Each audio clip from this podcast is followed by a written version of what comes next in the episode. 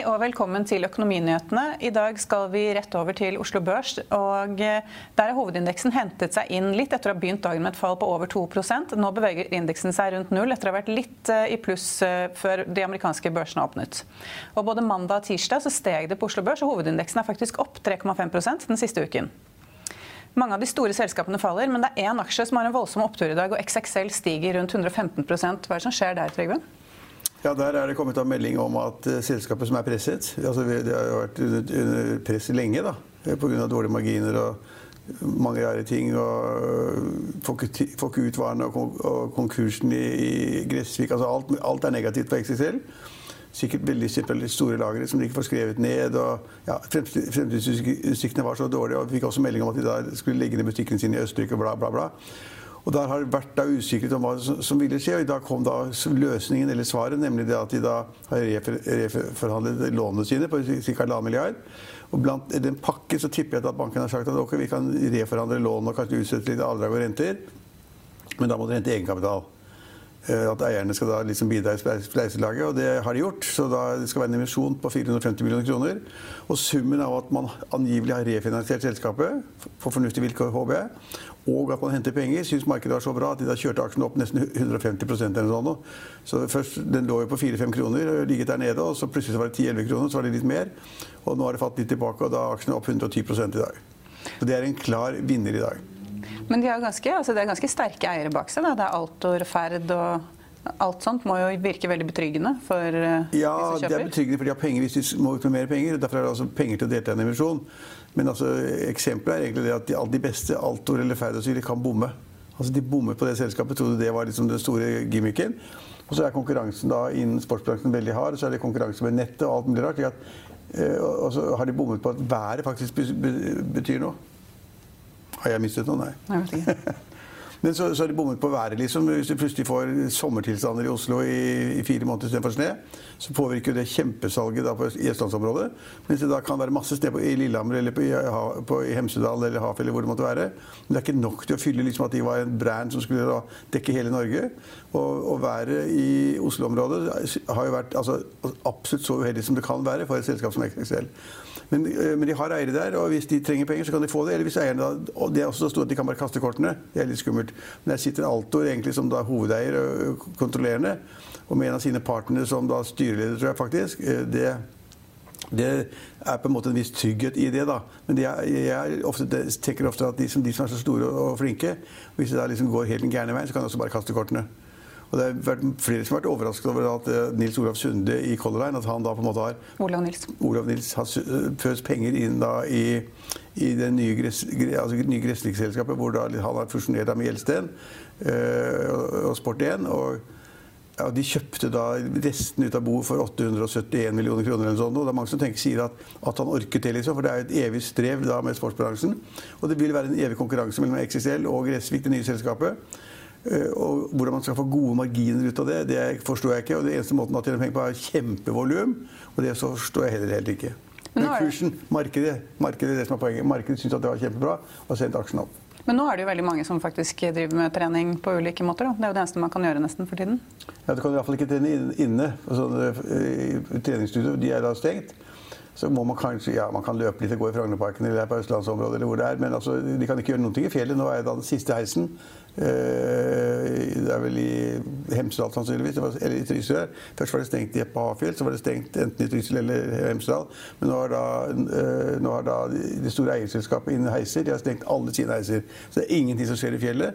Og I dag kom det melding om at Det er ikke så mye man kan gjøre, iallfall ikke til fjells. I dag kom meldingen om at Røde Kors da vil ta ned sin eh, overvåkning eller beredskap som de vil ha i fjellet. For da har man ikke lov å bo på hyttene. Og da sier da Røde Kors at da bør ikke vi være så mye i fjellet heller. Alt stenges ned. Så, altså Sportsbransjen ville jeg ikke vært i. Men øh, en annen eh, altså Nå ville jo ikke du vært i så mange bransjer. Øh, men oljeprisen er på vei ned i dag. Det har jo ikke tynget børsen her hjemme sånn veldig? Nei, altså, men vi hadde hopp opp som har litt, litt, økning i oljeprisen. Og litt skifting av kontrakter på de enkelte måter. Men jeg har sett da oljeprisen i dag nede på 24 dollar per fat på Brenten. Nå er det, altså, nå er det 25 pluss litt, 25,10 cent eller sånn nå. Så oljeprisen er på vei ned. og Det var et kjempegodt intervju med Jarand Rystad i Finansavisen i dag.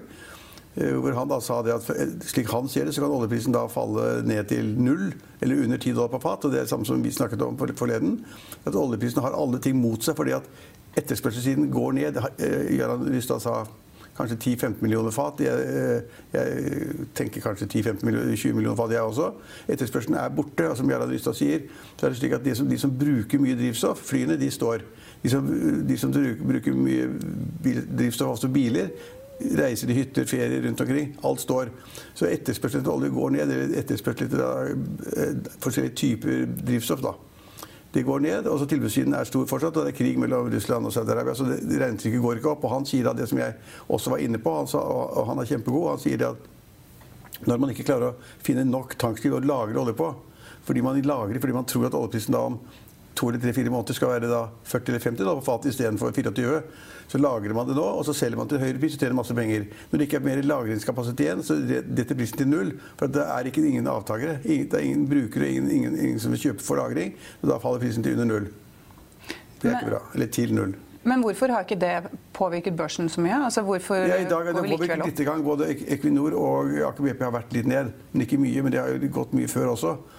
Eh, jeg tror at de regnestykkene er sjokkartet, og han stoler jeg på. Altså, de vet hva de gjør. De er seriøse, gode analytikere. Samler enorme mengder data om alt som foregår i hele verden innen olje og gass og alt mulig. Eh, og når han er såpass negativ, så tror jeg på det. Men så sier han da, fordi det er kanskje hans profesjon, eller han skal være sånn, så sier han også det at om halvannet av to år da vil på en måte tilbudssiden være såpass lav i forhold til etterspørselen som eksploderer igjen. Og da kan prisen gå opp i 100 dollar på fat. Kanskje. Akkurat nå så ser det elendig ut, og det, det sier han rett ut. Og, det, og, og, og, så er det litt merkelig, for et veldig morsomt poeng, at DNO, som også er et oljeselskap, det er i dag ikke ned i det hele tatt. Det er opp 6-8 Så det er litt vanskelig å se det på børskursene. Men vi vil merke det på alt som har med olje og oljerelaterte ting å gjøre. Og vi ser da, og Det kommer jo meldinger om da nå at uh, selskaper som driver innen olje og oljeservice, de er utsatt. og de rykter om opplag både her og der, ikke sant? og balansen er elendig og egenkapital borte. Og de, alle forhandler med bankene osv. Solstad er et godt eksempel, som er en av taperne på Oslo Børs i dag. Som er ned 10-11% De kom da med en refinansieringsplan. Alle har ventet på det. Det er altså blant Norges rikeste personer, Røkke og eh, Fredriksen, som står bak restrukturering, som står bak selskapet. Men likevel så går det elendig. Så de, liksom, de enten må de skrape båter, så må de legge det i opplag, eller hva, hva, det måtte være. Og så er det også slik at de som har vært långivere, obligasjonseiere, de skal konvertere da sin, sine lån til aksjer i selskapet. Og da aner man ikke hva som blir igjen til de gamle eierne. så Selskapet faller 10 til tross for at det kom en flott melding om at vi har refinansiert. Alt er mye, alt er riktig. Men det er noen som stiger i dag, som da også var oppe i går. Det er jo lakseselskapene. Ja, de, og de fortsetter videre oppover. Hvorfor det? Det har jeg ikke svar på. Det kan jeg ikke. Jeg ser så bare at Til min overraskelse så stiger jo de største selskapene, Movi og SalMar og Bakkafrost, de stiger mellom 4 og 6 og det, ja, SalMar var opp 7 før vi gikk i studio. Ja, Det har jeg ikke svar på. Så det, eh, det må være at noen vil kjøpe fisken, og de klarer også da å få transportert den og distribuert den rundt om i verden. Det er godt gjort. Eh, og så kan det være det at folk sier at oljeservice er elendig.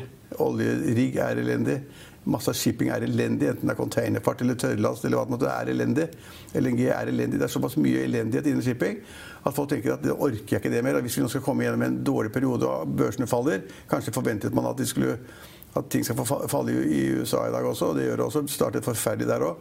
Eh, så tenker man at liksom, mat må folk ha. Så liksom det er en liten sånn defensiv aksje hvor man kanskje skal være på samme måte som man sier at Gjensidig er en defensiv aksje, hvor man sier at Kid er en gjensidig aksje, at Europris er en defensiv aksje osv. Så, videre, så, så kanskje man leter etter noe som på en måte blir ikke borte. Folk skal ha fisk. Kanskje. Det kan være mer geniale eller mer intrikate løsninger enn det der, men det, men, men det er litt overraskende at de stiger så mye, da. Men uh, tilbake til de amerikanske børsene. Der var det jo ventet at de skulle falle. Og som du sa, så startet det jo i rødt. Um, det var vel kanskje ja, Dow startet ned 800 poeng. Ja. ja. Så, og det har vel vært det svakeste kvartalet på evigheter. Ja. Um, var, det, svakeste noen gang. Jeg. Ja, for i hvert fall noen av dem. ja. Men um, hva, var som, hva, hva, er det som trekker ned nå i USA? Det er vel kanskje Trumps uttalelser i går, da? Ja, altså jeg, Nå er jeg ikke så god på det amerikanske markedet, og så skjer det så mye, og så har det så mye da å gjøre med koran... koran Korona. korona, ja. Eh, viruset. Eh, jeg tror det er mest med det å gjøre. Jeg tror folk er livredde. Man stenger i New York, man stenger i San Francisco, man stenger i byer etter byer. Og nå har på en måte da alle innsett at det kommer til å bli voldsomme dødsfall. og Det, det preger markedet. Og så kommer det da redningspakker. Og de er jo kjempesvære, men så vet man ikke helt hvordan de skal bli distribuert, hvem som skal få, hvor og når, på hvilket tidspunkt. På samme måte som i Norge. Man vet jo ikke helt hvem som skal få av pakke 3 og pakke 2 og pakke 1. Og man vet heller ikke når de som er permittert skal få sine, sine Nav-penger osv. osv. Så jeg tror det er kjempeusikkerhet. Og så ser jeg også det at det, det som preger en del av indeksene med en gang de minuttene de har vært oppe nå, det er da, altså Flyselskapene de faller 4-5% alle sammen. Det vil si at folk tror ikke at det kommer til å bli noe særlig flytransport fremover.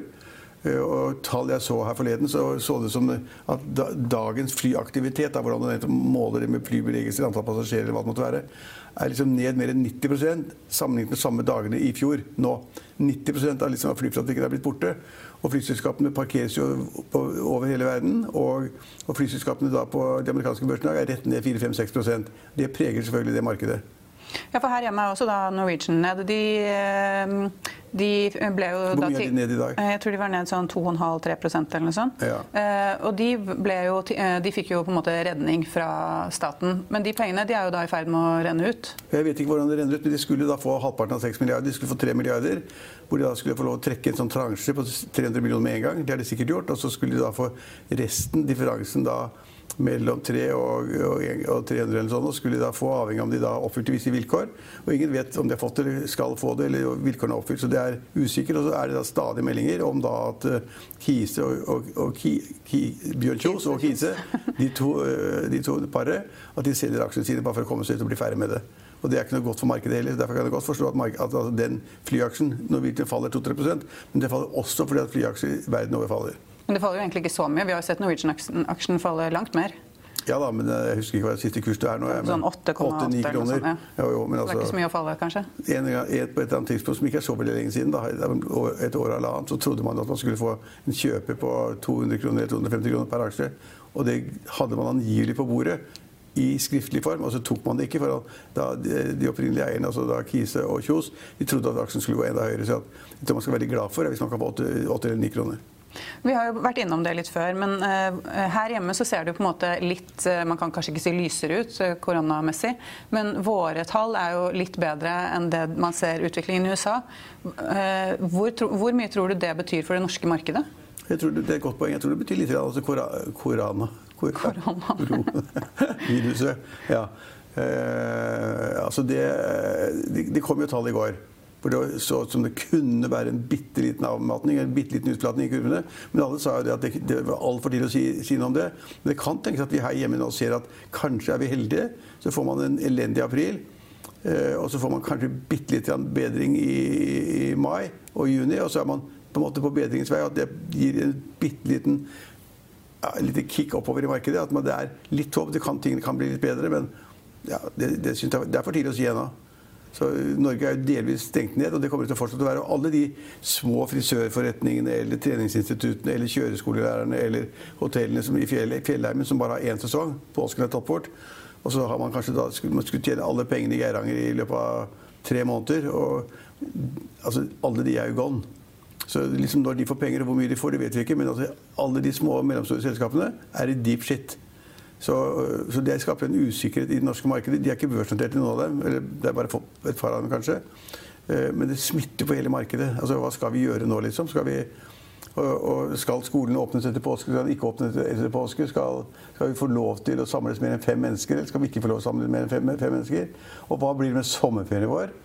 Regjeringen er jo fast innstilt på at påsken er gone. Ingen får, får besøke hyttene sine i påsken. Så begynner folk å lure nå hva da med sommerferie? Skal vi heller ikke få bruke båtene våre? Masse usikkerhet i markedet. Men det er en, du har et godt poeng synes jeg, at det er en bitte liten positiv undertone. Og det gjør kanskje det at vi da fikk en 3% oppgang i markedet i går. Og så er da markedet pluss minus null. Da er jeg ikke i studio i dag. Og den siste, eller seneste uken så er det jo faktisk da opp 3,5% Ja. Men så er det fra årsskiftet er vi ned 25 eller det ja, rundt det. Ja. så det, det, er, det er elendige greier. Og det blir ikke noe bedre nå på Oslo Børs ved at USA starter såpass mye ned. For veldig mange har tenkt seg at hvis da Donald Trump og finansministeren får delt ut de penger, nok til små og mellomstore bedrifter. Og de sier at vi skal gi små og mellomstore bedrifter så mye penger de vil for at de skal holde business i gang. Men når markedene reagerer, reagerer såpass negativt som de gjør i dag, så er det ikke bunnen er ikke nådd ennå. Da skal vi gjennom ganske mye skitt før det. I'll see you in court. Vi sier det ofte litt på spøk, Men for deg som driver business, er det aldri moro å innse at du ikke har laget en 100% gyldig kontrakt. Du bør ikke risikere hele firmaet ditt fordi du synes dette med kontrakter er litt stress. En avtale er ikke en avtale. Du kan miste kunder, miste venner, ja, til og med miste inntekter om du ikke lager en skikkelig kontrakt, på alt mulig, egentlig. Men vi vet det er et styr. Kopimaskiner, tregprinter og haugevis av papir. Dessuten stoler vi jo på folk her i landet. Det er ofte litt kleint å skulle be om en signatur for alt mulig, ja, for mye av styret handler også om jakten på underskriften. Det finnes en enkel måte å løse dette på, Dukkobit, en trygg, effektiv og get this, gratis måte å sikre seg en god natts søvn pluss en juridisk bindende avtale. Dukkobit-appen har de strengeste sikkerhetskrav i bunn, samt en EU-godkjent og sertifisert teknologi. Framover vil det bli behagelig å spørre du, skal vi skrive under på det, eller? Kom i gang på dokobit.no. Hva gjør vi hvis dette her uh, blir uh, noe som kommer tilbake? Altså, du har jo på en måte sesonginfluensa, kanskje vi får sesongkorona? da, at Nei, neste det, år så får vi det samme? Der er jeg litt optimist, for at nå er hele verdens altså, farmasiindustri jobber nå med å finne da, uh, vaksine eller måter å liksom, stoppe utbredelsen på, og det kommer de til å få. Altså, hele verdens, altså, det er sånne enorme gevinstmuligheter i produksjon av en vaksine mot da, viruset at altså, det, det får de til. Eh, det, nå er det kommet, altså Først kom det nå en sånn derre en, eh, Hva heter det? En sånn uh, Malariamedisin? Nei, ikke malaria. Ja, det er det mange som snakker om. Min lege snakket til meg om det i går. ja, og det er mange som da skulle prøve å teste. Også, man skal også teste det på medisinsk personell ved sykehus i utlandet og i Norge. Så det, det ser nå, det vet man om. Så er det masse andre som da forsker på helt nye ting. og De, de kommer sikkert på, til å finne på et eller annet. Men det, det var respirator jeg tenkte på når det kom der sånn, en ny en maskin som da hadde Forsvarets forskningsinstitutt sammen da med et eh, medisinselskap, eller produsenter av den type utstyr. Eh, og det var, det var, Erna Solbergs store sak i går. at kjempe, Hva vi har fått til på kort tid. Vi har klart å få en sånn, sånn uh, respirator på to-tre uker. Det er liksom verdensrekord. Og så kom det en melding i dag om at noen mente at det var helt ubrukelig. Så ting tar tid. Ting må gjøres i riktig rekkefølge. Men at det kommer en vaksine, det vil forandre alt. Så kommer det en vaksine i mai-juni, så er jo hele verden i pluss igjen. Men eh, man tror vel kanskje at det tar litt lengre tid? altså Det tar i hvert fall et år å få frem den vaksinen? da? Ja, Før i tiden sa man fem eller ti år. Ja. Ett eller to eller tre år og på en måte utvikle det. Og så tester de mange år. Men nå går alt utenom køene.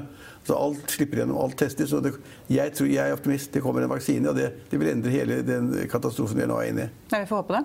Ja. Og det var jo et uh, selskap som het Softox som meldte om sin første leveranse av en type antibac i dag, som også har steget på børsen. Så... Ja, De tjener sikkert masse penger, for det, det lager de med, sikkert med så lave kostnader og så høye priser. Det er helt naturlig at man da på en måte tilpasser seg markedet. Det tror jeg. Uh, og det kommer andre selskaper som produserer lignende ting. Men altså, det, altså kommer da munnbind. ikke sant? Og så, de, kom, så leverte da Kina angivelig 1 million, eller 50 millioner munnbind til mange land i verden. Og så kommer noen og sier at det er ubrukelig, kan ikke brukes medisin, for, for, medisinsk personell. Eh, og så blir Kina kjempesinna og skjeller og smeller for de landene som da tidligere Aftenposten har sitert av utsagnet om at de der munnbindene er ubrukelige. De kan ikke brukes i medisinsk sammenheng. Eh, det, men det, mange, altså det, kommer til å strømme på virksomheter, enten det er kinesiske, amerikanske eller norske, eller andre, for å skaffe vaksine eller andre ting som da vil avhjelpe den krisen vi er inne i.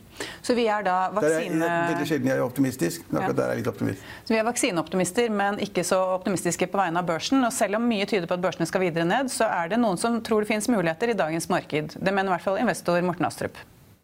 Investor og arbeidende styreleder i Storm Bonfund, Morten Astrup. Eh, vi legger bak oss et skrekkelig første kvartal. Hvordan vil du beskrive situasjonen akkurat nå? Ja, det er, eh, det har jo, som du sier, det, vært, eh, det er vel det verste kvartalet siden 1987, i hvert fall i, eh, for Jones. Um, det har vært, alt har falt. Um, og hvis man ser på det som er litt spesielt med, med, med mars, er at uh, obligasjonsmarkedet, spesielt innen høyrente, har falt uh, minst like mye som aksjer. Og det er, det er to grunner til det. Det ene er det ene er eh, at dollar, eh, altså utenlandsk valuta har steget kraftig, og på det meste så har dollar og sveitserfranc opp nesten 50% mot norske kroner det siste året. Um, og, um, og, dette har nå roet seg litt. Det er altså sånn at uh, Siden halvparten omtrent av det nordiske høyremarkedet er i utenlandsk valuta, Og innenfor høyrente så må alle fond de, de leverer da avkastning i en bestemt valuta til kundene. Og hvis man da har overvekt av kunder fra Norge f.eks., så må man for hver Hvis man da har halvparten av papirene i, i amerikanske dollar, så må man for hver prosent dollaren stiger, så må man inn med en halv prosent ekstra av fondet og sikkerhetskonto. Det er ganske tøft i tider hvor du har tidenes største valutaoppgang, samtidig som du har et press på, fra kunder på å ta ut pengene sine. Um, det som er spennende, er at det gir jo masse muligheter. Um, så det vi nå ser, er at um, staten har våknet opp og startet Statens obligasjonsfond. Uh, samtidig så har Norges Bank våknet opp og, uh, og stabilisert valutakursen, som er veldig viktig for, eh, for ikke bare for Haier, men for, for, egentlig alle norske bedrifter å kunne vite hva, hva utenlandske varer skal koste. Um, og, og det, det, vi ser, er at det var vel Sparebanken en utregning på hvor mye det hadde å si for Statens obligasjonsfond Uh, og, at, at, for markedet, at de kom inn i markedet. Uh, og det er vel estimert at de kommer til å ta 25% av kjøpsvolumet i norske papirer med hovedkontor i Norge de neste 100 dagene. Det er veldig mye. Og, og Hvis vi liksom ser da over mot aksjer, Oslo Børs har jo hatt det dårligste kvartalet sitt noensinne. Er det noen muligheter per i dag? Det er det absolutt. Eh, og eh, måten jeg, jeg ser på markedet på, er om selskapene klarer seg gjennom krisen uten å hente penger og uten uh, betydelig statlig hjelp. Og et selskap som er norskkontrollert, men som er uh, vel notert i, i, i, Sverige, er Pandox, som eier hoteller. Veldig godt eksempel. De hadde, I fjor så hadde de en rentecoverage på balansen sin på fire ganger. Dvs. Si at de egentlig bare trenger inntekter ett kvartal fullt for å, å, klare å betjene alle sine renteutgifter. Um, og I tillegg hadde de store trekkfasiliteter som gjorde at de kunne, uh, kan gå ganske lenge uten, uh, uten inntekter og en konservativ belåning. Uh, når det var mulig å kjøpe de eiendommene på børs hotelleiendommer sentralt i hele Europa med nesten 40% rabatt på eiendomsverdiene uh, i forrige uke, så var det veldig spennende. Det er fortsatt veldig spennende. Vi snakket faktisk med Kristian Ringnes i begynnelsen av forrige uke, og han kunne bekrefte at han merket absolutt koronakrisen, han også. men, men, det er altså én spennende aksje dere ser. Er det, er det noen selskaper dere tror ikke vil overleve koronakrisen? Det er, um, det er det er, det er, for mange selskaper så er det um, et stort spørsmål selvfølgelig hvor lenge, hvor lenge krisen varer. Um, og hvis man ser på oljeservice f.eks., um, så er det da en bransje som først uh, Som allerede var uh, ekstremt dårlig stilt før denne krisen kom. Uh, og, og, det er altså slik at uh, det er en stor sjanse for at oljeprisen uh, faktisk går i null. At man nesten må kvitte seg med sånn spesialavfall på det verste. Fordi at Eh, det tar litt tid å stenge ned produksjon. Eh, og eh, når lagrene er fulle, så, så, er det veldig spennende å se hva, hva, som, hva som, skjer. Og, og, hvor mange som da klarer å stenge ned produksjonen raskt. Og, men som Jarand Rystad sier i Finansavisen i dag, så kommer markedet tilbake igjen. Mest, mest sannsynlig som en bumerang om, om et par år. Eh, fordi du da får, får du en bølge av konkurser, og så snur det til å bli eh, en kjempeboom, mest sannsynlig, i andre enden. Eh, fordi dette har ikke noe med det grønne skiftet å gjøre. Det har noe med at du og jeg må sitte og snakke på video. og, og, og, da er det dessverre ser det ganske stygt ut for nesten hele offshoreindustrien på Vestlandet. alt dreier seg om at man må ha penger de neste årene for å klare seg. Uh, og ordentlig, ordentlig, rullebane finansielt. Uh, og, så jeg tror at den lille offshore-eksponeringen vi har, så kommer vi nok til å bli aksjonærer i veldig mange av de selskapene. nå har vi de, har ikke så, er ikke så mye verdt, den delen av porteføljen lenger. Men, men, men, der ser jeg også der ser jeg at det kommer til å bli mye konkurser, men jeg ser også at uh, hvis vi da blir aksjonærer, at det da ligger en god oppside uh, i disse aksjene uh, fremover. Vi er litt lenger fremme i horisonten. vi vet jo også at reiselivsnæringen, den type aksjer du nevnte, Pandax hotelleiendommer, de vil ha første kvartaler fremfor seg. Får vi noen muligheter, spennende muligheter i, det, i den sektoren? Ja, altså, eh, det er igjen da det er beslektet eh, til norske virksomheter, men eh, Carnival Cruise Line er i gang med å hente masse penger nå. Det siste jeg så på den dealen, var at det var en førsteprioritetspant i 86 skip til en loan to value på 10% eller noe. Og 13 rente i tre år. Sånne ting det er ikke mulig å få i, i vanlige tider. og Ehm, jeg tror eh, de selskapene som er sunne reiselivsselskaper, eh, eh, og som har eiere som, som stiller opp, vil komme ut som en katapult i andre enden. Og her gjelder det å følge med på, på hva som kommer. Men, men, det som er viktig, er at de må gjøre som Karneval. De må ta skikkelig i, så de vet at de klarer seg gjennom krisen. Eh, det er jo, Du har kanskje vært inne på det allerede innledningsvis, men når det snur, så er det mye penger som sikkert skal inn i markedet igjen. Eh, har det snudd? Eller hva er avgjørende for når vi kommer til å se en handelsgang på de globale aksjemarkedene? Jeg tror fort at uh, i kredittmarkedet så, så har vi sett bunnen, eller er veldig nær bunnen. Uh, dette er pga. de stimulansene som er satt inn. Men alle, nesten alle stimulansene som er satt inn, vil gi mer gjeld. Det stabiliserer gjelden i selskapene og verdien av den. Det gjør det, det gjør det mulig å refinansiere, eh, men det blir mer gjeld. Og da blir egenkapitalen mindre verdt. Og, eh, og, når man ser hva som faktisk hender i, eh, i realøkonomien i dag, eh, selskaper som står helt uten inntekter over en lengre periode, det er svindyrt. Eh, og, og, og, det er selvfølgelig ekstremt spennende å se Eh, hvor fort man får god medisinering av, eh, av koronapasienter. Eh, fordi det vil nok avgjøre om vi har nådd bunnen i aksjemarkedet eller ikke. Men, men, men, jeg tror at når du kommer inn i mai, så skal det veldig mye til at du ikke får en ny dipp i aksjemarkedet. Mens kredittmarkedet da relativt sett kommer til å utvikle seg bedre med de forutsetningene du har nå. Men hvordan blir obligasjonsfondet deres påvirket av den likviditetsgevis man har sett i kredittmarkedet? Ja, vi har blitt dyttet ned 20 i, i, i, mars. Uh, og For å illustrere hvor billig jeg syns det er, da, så har jeg til og med fått min egen kone til å investere. Så nå er det mye på spill her. Ja, jeg tror ikke vi kommer til å godta det hvis det faller, da, for å si det sånn. Da tror jeg ikke den disclaimen gjelder. Men har, altså, gjør koronakrisen det mer utfordrende å refinansiere f.eks. refinansiere f.eks. Storm Real Estate?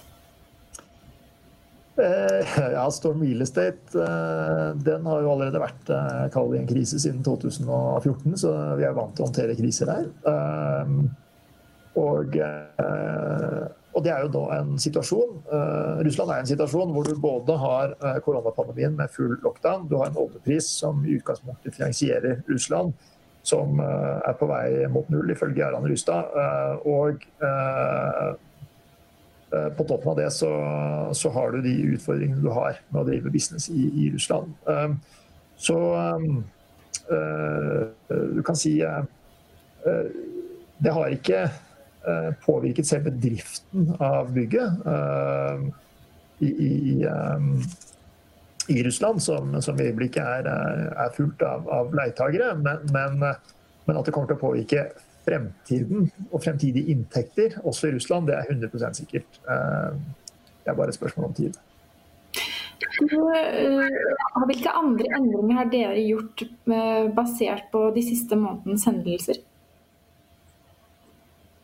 Det vi har gjort er eh, også, Nå er det så mange fine kjøp uh, som er i selskaper som vi kjenner godt, med god kvalitet. Som, og mange av de som har hovedkontor i, uh, i, i Norden. og Så det er egentlig Og selskaper som, som, var veldig lønnsomme før krisen. og, og, som nå har mistet sine inntekter pga.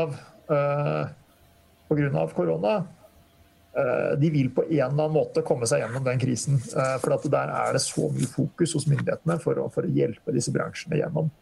Um, så, um, så det, det, er på en måte vi har alltid sett, på, sett, det som tryggere å investere i selskaper hvor vi, vi, kjenner management godt, og hvor hovedkontoret ligger et sted hvor vi kan gå og finne, finne selskapet. Uh, og nå er det veldig enkelt. Det som kanskje ikke er så enkelt for eh, Morten Astrup i disse dager, er å ta seg på kryss og tvers med eget fly. Hvordan har reisevirksomheten din blitt påvirket av korona? Nå har jeg sittet her og snakket på video den siste måneden. Um, så, eh, men det som er fordelen er at jeg slipper iallfall å og Jeg kan sette opp mine egne flyruter, men eh, jeg kommer jo ikke inn overalt. Så det, det er nok bare å bli her. Ja, har, du, har, du, gjort noe estimat på hvor lenge du tror man kommer til å være forhindret fra f.eks. For fly hjem til Norge eller til andre land dere gjør business i? Ja, Til Norge så er det jo heldigvis sånn at der kommer man jo alltid inn ja. uh, som norsk. Uh, men, uh, men, men, jeg tror det er det siste som, som det løses opp i. At grensene åpnes. Fordi at hvert land har litt forskjellig måte å se på dette på. Så, som f.eks. jeg tror Sverige kommer til å være litt vanskelig å dra til veldig lenge. Fordi at det kommer til å være karantene når man kommer tilbake fra Sverige i lang tid fremover.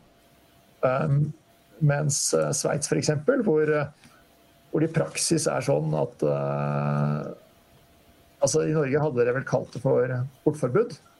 Um, så, så, tror jeg at uh, det vil åpnes, uh, åpnes ganske altså Broen mellom Sveits og Norge vil åpnes raskere enn f.eks. mellom Norge og Sverige. Du sitter i Sveits akkurat nå. Hvordan følger dere koronakrisen som pågår i landet nærliggende til Sveits? Altså det som skjer rundt dere, dere er litt nærmere enn Norge? Ja, det som, det som skjedde var vel at fordi vi er 20 km fra Nord-Italia, så var de ikke stengte grensen tidlig nok, så, uh, så, tror jeg at uh, den byen jeg sitter i, er vel den byen i verden som er nærmest flokkimmunitet, tror jeg, på korona. Eh, og eh, det var en kjempebølge som nå allerede er i ferd med å forsvinne helt. Det blir spennende å følge med videre, Morten. Eh, tusen takk for at du har tid til å ta deg tid til et videointervju. Vi ser jo frem til å ha deg tilbake i studiet når koronakrisen har lagt seg. Det var det vi hadde i dag. Vi er tilbake i morgen klokken ti og klokken halv fire. Vi ses da.